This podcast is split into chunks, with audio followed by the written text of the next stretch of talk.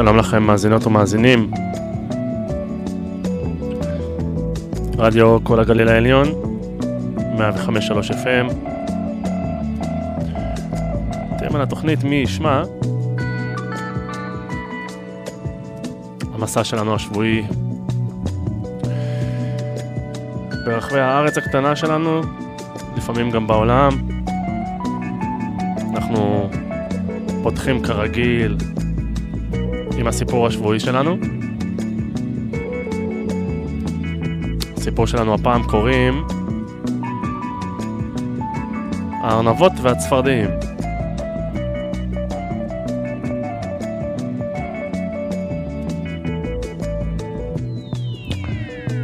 הארנבות לא ידעו לאן לברוח מפני כל החיות שרדפו אחריהן. ברגע שראו חיה מתקרבת אליהן, היו מתחילות מיד לברוח בכל המהירות. יום אחד, ראו הארנבות להקה של סוסים פראיים שועטים סביב סביב, ונבהלו מאוד. הן רצו בכל המהירות לעבר אגם שהשתרע בקרבת מקום, והיו נחושות בדעתן להטביע את עצמן בנהר, ובלבד שלא ימשיכו לחיות בפחד נורא כל כך. ואולם, ברגע שהתקרבו אל גדת האגם, הבחינו בלהקה של צפרדעים, שנבהלו מאוד למראה הארנבות הקרבות לעברן. נסו על נפשן, וזינקו לתוך המים. לאמיתו של דבר, אמרה אחת הארנבות, המצב אינו גרוע כפי שנדמה לנו. תמיד, תמיד, יש מישהו שמצבו גרוע ממצבנו.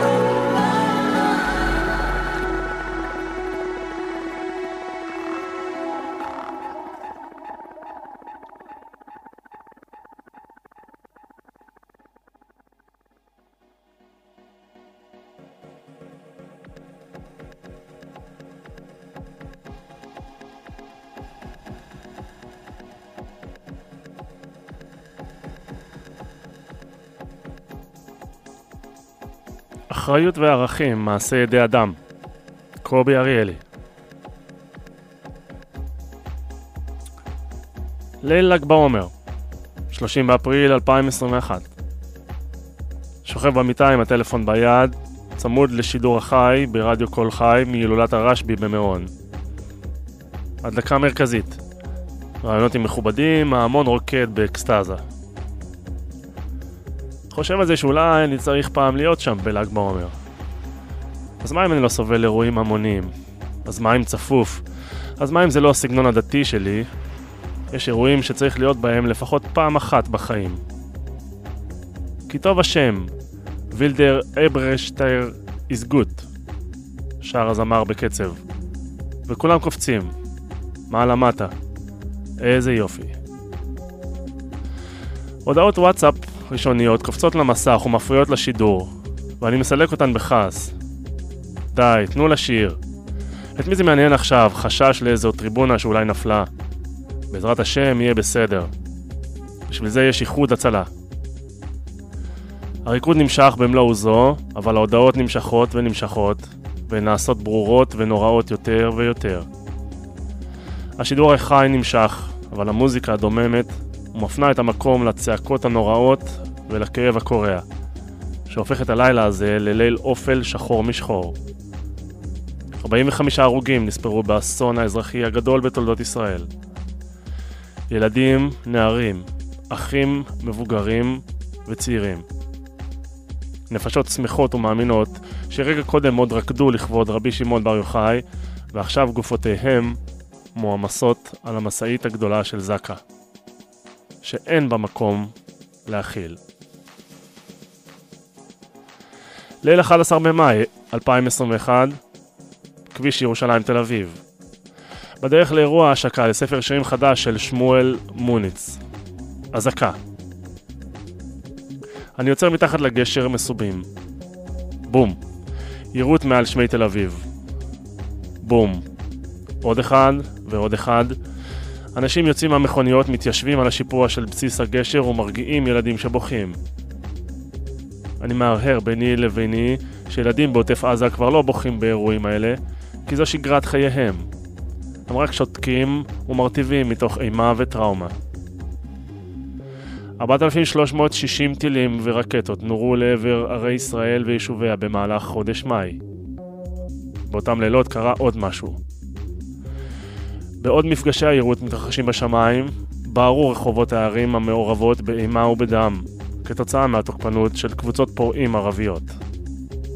ההלם שאחז במשטרה גרם לקבוצות אזרחיות ליטול יוזמה, שני יהודים נרצחו במהומות, האחד נסקל באבנים בלוד, והאחר נפצע אנושות מהצתת מלון בעכו ונפטר אחר כך מפצעיו. רק בנס נמנעו אסונות כבדים יותר. שני אירועי ענק מטורפים. האחד שובר לב ומדכא והשני מפחיד ומאיים. שניהם מתסכלים ומדירי שינה, ושניהם מעשי ידי אדם. השנה הזאת, וזו שלפניה, מתאפיינות בהתמודדות מול פגעי טבע גדולים מהחיים. מגפה עולמית משתקת וכוח עליון. והנה, שני אירועים שהרגו אותנו, ושניהם היו יכולים להימנע, אם רק היו בני האדם פועלים מתוך אחריות ומתוך מחשבה ומתוך ערכים. אם יש משהו ש-2021 הארורה הזאת צועקת בשתיקתה, הרי זה ארץ, אל תכסי דמם. ספיחי הקורונה עוד יימשכו כאן גם ב-2022, וגם האיום החמאסי יישאר בסביבה. בואו נשבע, ששני האירועים האחרים לא יישנו. לא עוד אסון מירון, לא עוד פרעות תשפ"א.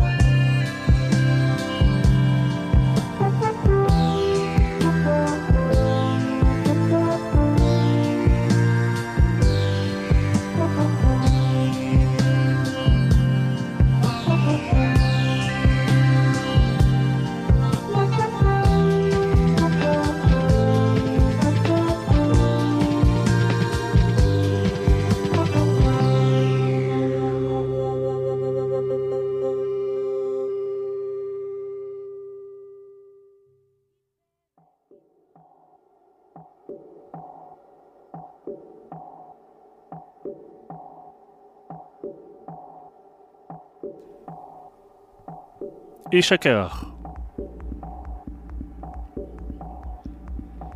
אלמוט ואריקה סימון טיילו כל היום באור השמש החמים גבוה בהרי האלפים. בשעת אחר צהריים מאוחרת ביום חמישי, 19 בספטמבר 1991, כבר היו מותשים ורצו לחזור אל אכסנייתם. ולכן החליטו להתחיל לרדת מן הפסגות הקפואות של האלפים של אצטל, סמוך לגבול שבין איטליה לאוסטריה. הם עשו קיצור דרך, נטשו את השביל המסומן והלכו לאורך ערוץ סלעי שהתווה מעין נתיב במורד ההר. הערוץ היה זרוע קרח ומי שלגים, ומשום כך הייתה ההליכה במורד מסוכנת. כשנעצרו לרגע לשאוף רוח, הבחינו במשהו חום בקרקעית הערוץ. בתחילה חשבו שזאת ערימת אשפה שהשאיר שם מטפל מרושל, אבל כשניגשו לבחון את הדבר מקרוב התברר להם לחרדתם שזאת גופת אדם. הגופה הייתה במצב נורא של ריקבון, ומחציתה עדיין היה קבור בתוך קרח. רק הראש, הכתפיים וחלק מהגב בצבצו מתוך הקרחון. השניים שיראו שמדובר בגופתו של מטפס הרים, ביש מזל, שנפל מאחת הפזגות שבסביבה. הוא שכב וחזהו מונח על סלע שטוח, ולצידו היו כמה פיסות קליפות מגולגלות של עצי לבנה. כשהגיעו בני הזוג אל העמק, הודיעו על הגופה שמצאו. למחרת טיפס צוות של אוסטרים אל הגופה וניסה לחלץ אותם מתוך הקרח. הם השתמשו במקדחה פנאומטית וניסו לשבור את הקרח שקבר את החלק התחתון של הגוף. אבל תנאי מזג האוויר הורעו פתאום, והם נאלצו לחדול ממאמציהם. נעשו עוד כמה ניסיונות לחלץ את הגופה הקפואה, אבל רק ביום שני שלאחר מכן, ארבעה ימים לאחר שהיא התגלתה לראשונה, הגיע צוות של מומחים מן המכון לרפואה משפטית שבאוניברסיטת אינסברוק, והצליח לחצוב בקרח ולהוציא מתוכו את הגופה. הגופה הונחה בתוך שק גופות, ועימה כמה וכמה פיסות של אור, חבל, רצועות ואגודות של חציר. כל הדברים האלה הוצאו במסוק אל העיר ונט שבעמק עץ באוסטריה, ומשם הוסעו במכונית לאינסבורג. מדענים שבדקו את הגופה ידעו מיד שהיא קדומה מאוד, אבל זהותה עדיין לא הייתה ידועה. רק כעבור זמן הבינו את המשמעות היוצאת דופן של התגלית. איש הקרח, שעד מהרה כונה אצי, היה מוטל בערוץ ההררי, 5,300 שנים, והקרח והשלג הגנו עליו מפני הריקבון. גופתו, ה-DNA שלו, בגדיו ותוכן קיבתו היו עתידים לספק למדענים הצצה מיוחדת במינה אל החיים כשלושת אלפים שנה לפני הולדתו של ישו. מדהימה עוד יותר הייתה התגלית ב-2012 שלאצי עדיין יש תאי דם אדומים שלמים שהם תאי הדם העתיקים ביותר שנמצאו אי פעם. המדגני... המדענים גילו מידע רב על אצי, אבל שאלה חשובה אחת עדיין נותרה בלי מענה. איך מת האיש הזה שהיה בן 46 במותו? הועלו השערות רבות, מדענים אחדים סבורים שהוא נקלע לסערת חורף וקפא למוות, אחרים חושבים ששימש קורבן אדם. אבל ממצאי המחקר האחרונים מגלים סיפור מפחיד עוד יותר על שעותיו האחרונות של אצי. הוא מת מוות אלים, עקוב מדם ומכאיב ביותר, וקדם לו טבח של כמה בני אדם אחרים. מסעו האחרון הגורלי של אצי היה באביב, והוא ובני לווייתו פשטו על קהילה של שבט יריב. הפשיטה הייתה אלימה ואצי מצא את עצמו בקרב פנים אל פנים. עד שהסתיים הקרב, הוחתמו בגדיו העשויים אורות, בעלי חיים וכלי הנשק שלו בארבעה סוגים שונים של דם אדם. אצי נפצע בקרב. פצעיו היו חמורים, אבל לא אנושים. הוא נדקר פעמים אחדות כשניסה להגן על עצמו מפני תוקף אחד או יותר. חפץ חד, ככל הנראה פגיון בעל ראש צור, ניקב את אגודלו וקרע את האור והשריר עד העצם. ייתכן שנפצע בשעה שברח על נפשו במעלה ההר הקרוב. אין ספק שזה קרה זמן קצר לפני מותו, שכן לפצע לא היה זמן להצטלק. אצי רץ וטיפס גבוה יותר ויותר. כשהביט לאחור ראה שתוקפיו רודפים אחריו וסוגרים במהירות את הפער שביניהם. מן הסתם, ידע שהוא בצרה גדולה ועלול להיתפס. הוא עדיין נשא איתו את קשתו וחציו ואת גרזן הנחושת שלו, אבל אלה, כך התברר, לא הועילו לו. כשהגיע לגובה 3,200 מטרים, פגע בו חץ בעוצמה רבה כל כך, עד שפילח את עצם הבריח השמאלית שלו וניקב כלי דם. הפציעה גרמה לאובדן דם רב וגם לדימום פנימי חמור. הוא התמוטט על הקרח. באותו הזמן עדיין היה בהכרה ובוודאי חש כאב נורא בחזהו. הלם הפציעה ואובדן הדם גרמו להתקף לב חמור. כששכב שם ולפת את חזהו בייסורים, ניגש אחד התוקפים והפך אותו על בטנו, וניסה לחלץ את החץ מתוך גופו. הקרע בכלי הדם התרחב מאוד והדימום הפנימי היה אנוש. גורלו של אצי נחרץ. לעולם לא נדע כמה זמן עבר עד שמת, אבל ככל הנראה היה מותו מהיר, למרבה החסד. המראה האחרון שראו עיניו היה הקרח המלוכלך של הקרחון, ואחר כך לא ראה עוד דבר. זמן קצר אחרי מותו פרצה סופת שלג וקברה אותו בתוך מקפיא טבעי, שעתיד לשמר אותו שלם ב-5300 השנים הבאות. ושם היה נשאר לנצח, לולא הזוג, סימון.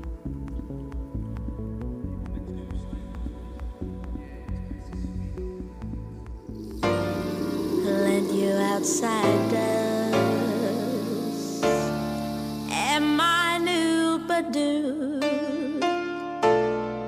Why you were thinking I didn't have a clue. Tough to sort fire with your voice in my head.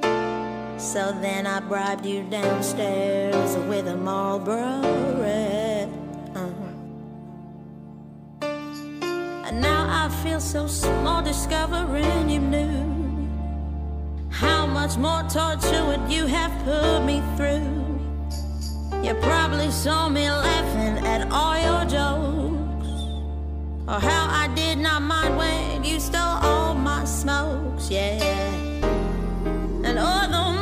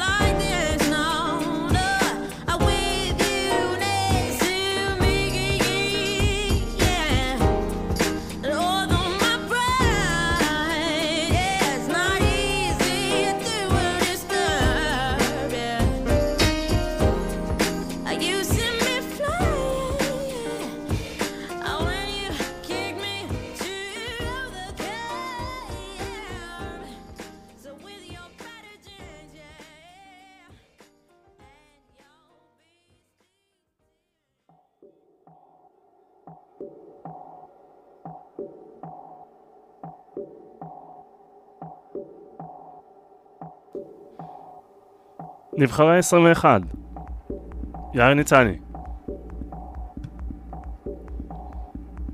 הרגעים האלה, שנייה לפני שהשנה מחזירה ציוד, הם שלב הסיכומים. היו לנו כמובן מנצחים ומפסידים, ואנשי שנה ברמה הלאומית והבינלאומית, אבל ברשותכם נתחיל בכמה סיכומים פרטיים. חלק גדול מהשנה עבר עליי בפקקים, וזה לא התחום היחיד שבו לא התקדמתי הרבה. למרות שאני נוחר בלילה, אני עדיין נשוי לאותה אישה, ולמרות שלא זכיתי במאסטר שף, אני עדיין אבא שמכין שניצלים לאותן בנות. הן דווקא התקדמו בחיים, אחת קיבלה רישיון נהיגה, שנייה התקדמה בלימודים גבוהים, ושלישית הצטיידה בכלבת פודל בשם יעקב.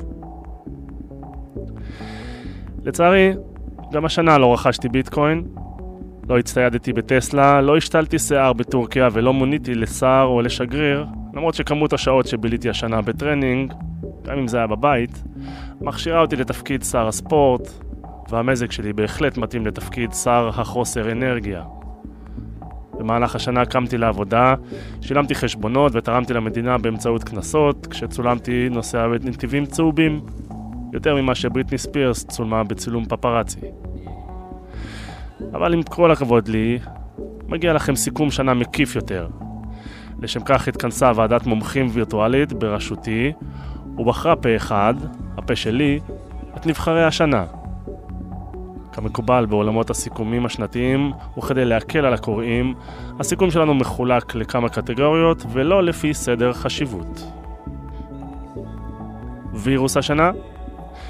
בניגוד לשנים קודמות שבהן כיכבו בקטגוריה הזאת וירוסים המיועדים לקלקול מחשבים ושפעות מסוגים שונים, השנה לקח את הכתר האומיקרון, שעם השקתו גרם לדלתא ולשאר הווריאנטים להיראות כמו דגמים מיושנים של אייפון, שלא לומר נוקיה 95, עם שם שנשמע כמו קינוח במטבח הצרפתי ותכונות שגורמות לו להיות יותר מדבק אפילו מקרוקומבוש.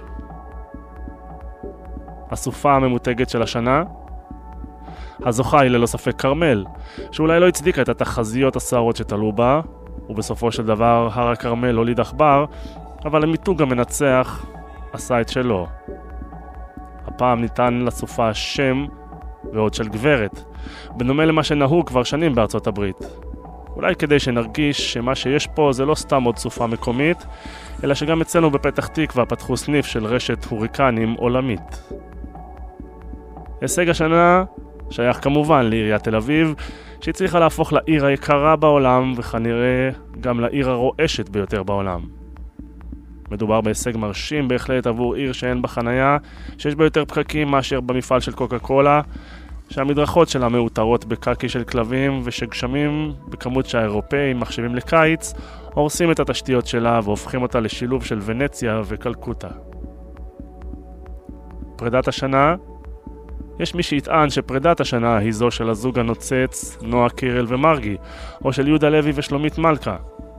אבל מי שלקחה את הכתר היא הפרידה סוחטת הדמעות של משפחת נתניהו מהמאבטחים שלה.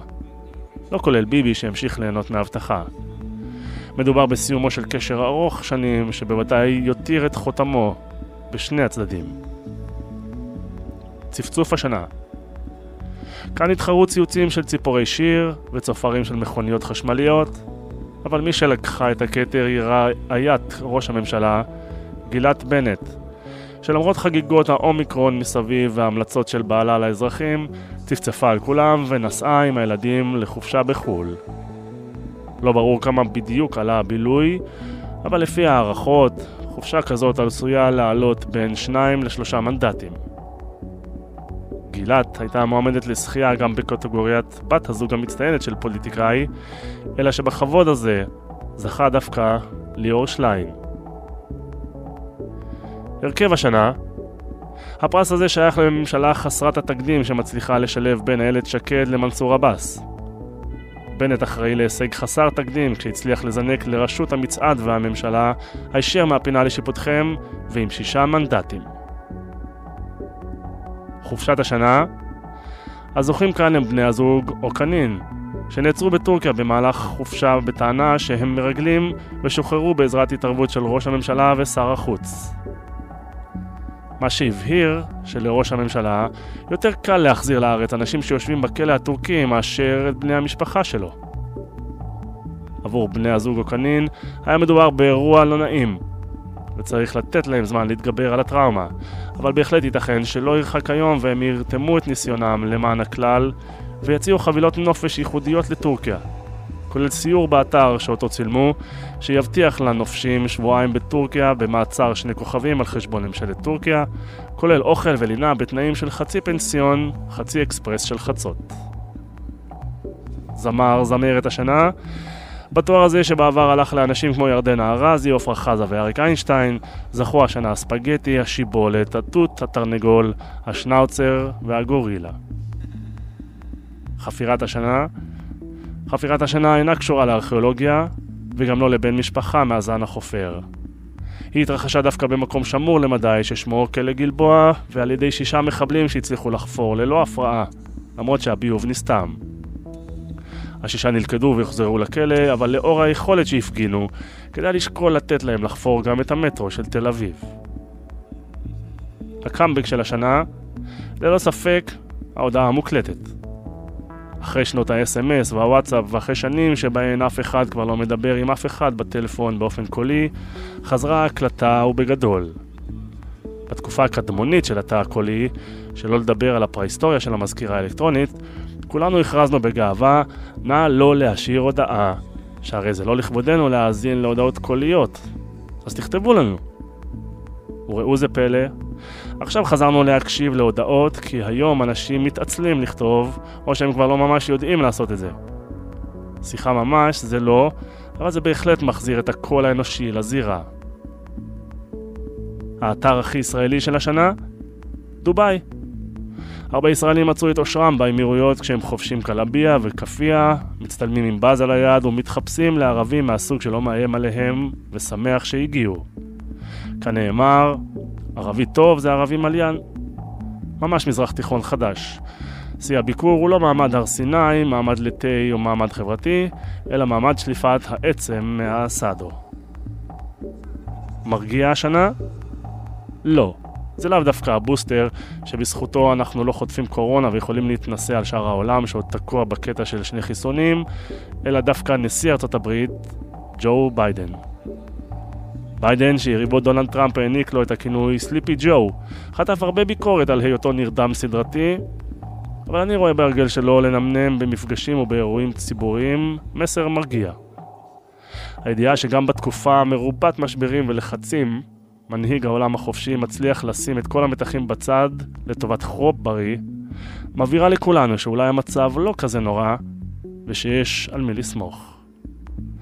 השינה היא בעצם הדרך שלו להעביר לרוסים, לסינים ולקים ג'ונג און מסר שאומר חברים, אתם לא מדירים שינה מעיניי, אני ישן מצוין בלילה, ואם צריך, גם ביום. את הקטע הזה כתב יאיר לפיד.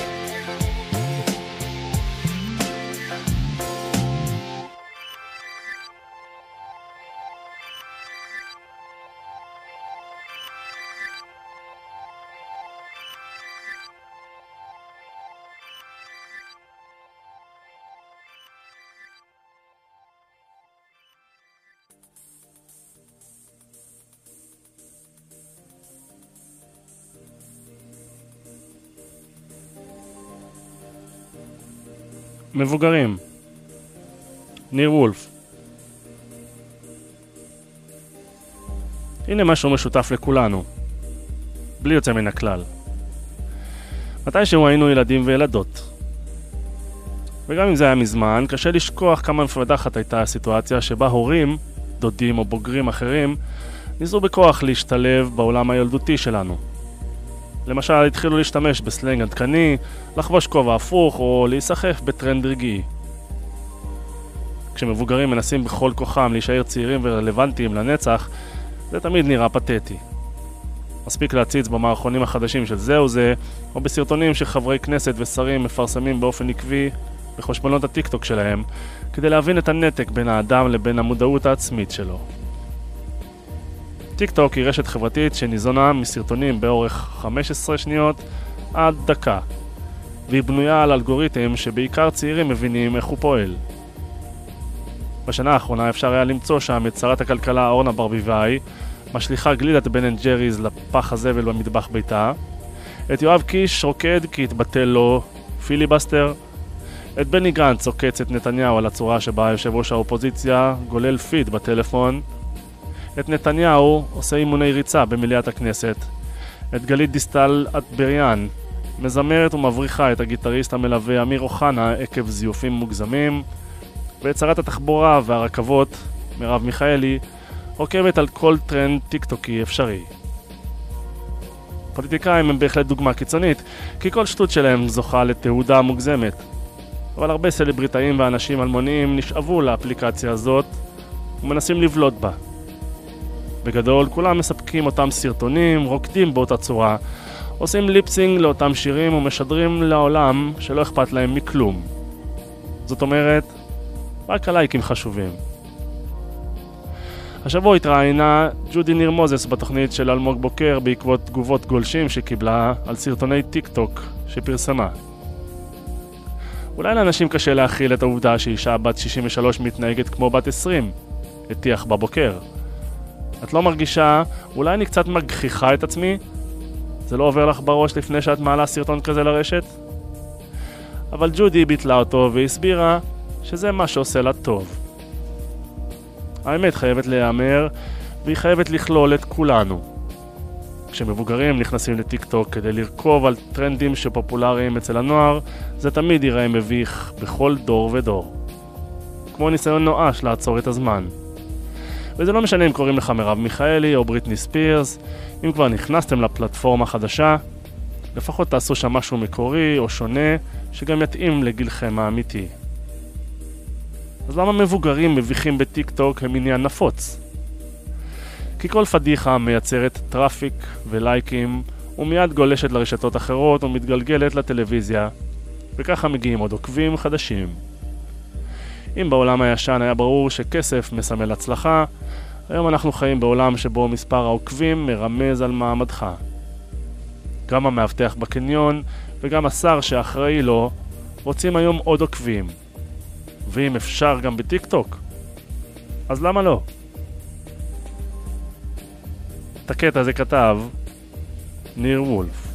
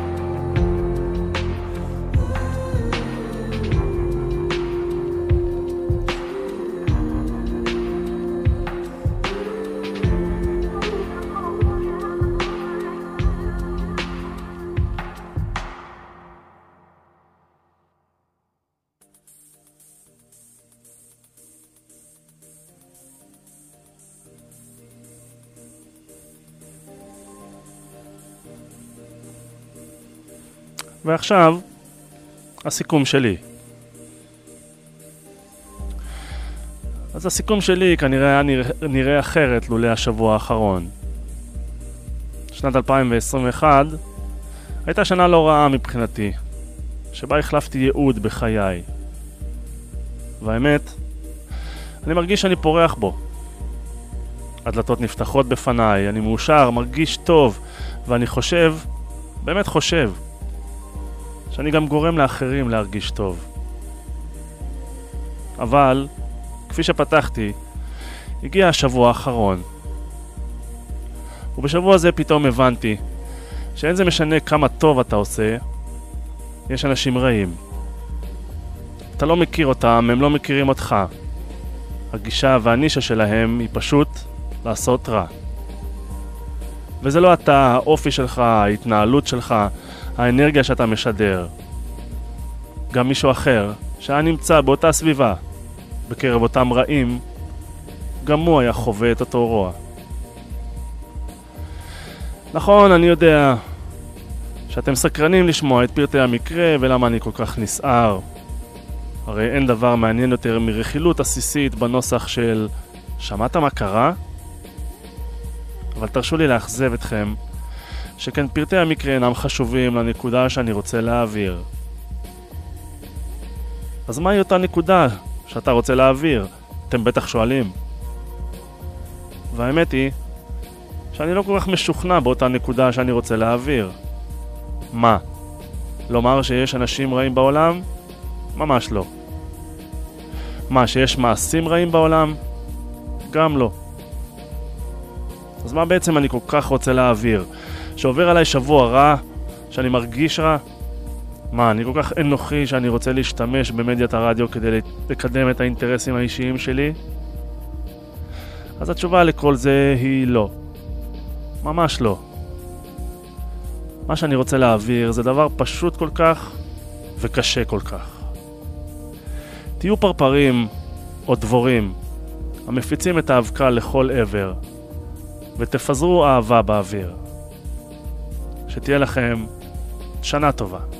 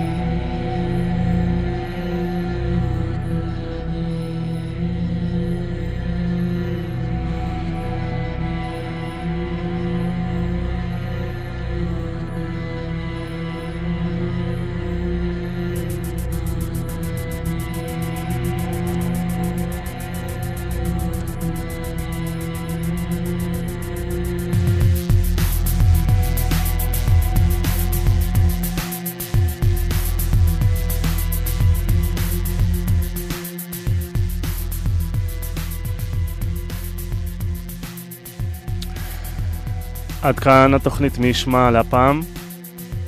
התוכנית האחרונה לשנה זו. שנה הבאה אנחנו נמשיך. אנחנו ניפגש יום שישי הבא, בין שלוש לארבע, שנה חדשה. להזכירכם, מחר יום שידורי מיוחד לזכרו של משה קסטוריאנו, מ-8 בבוקר עד הלילה. מוזמנים להצטרף אלינו. אני חיים אגרמי, מקווה שנהנתם. אנחנו נשתמע. תשמרו על עצמכם. שתהיה לכם שבת חמימה. להשתמע.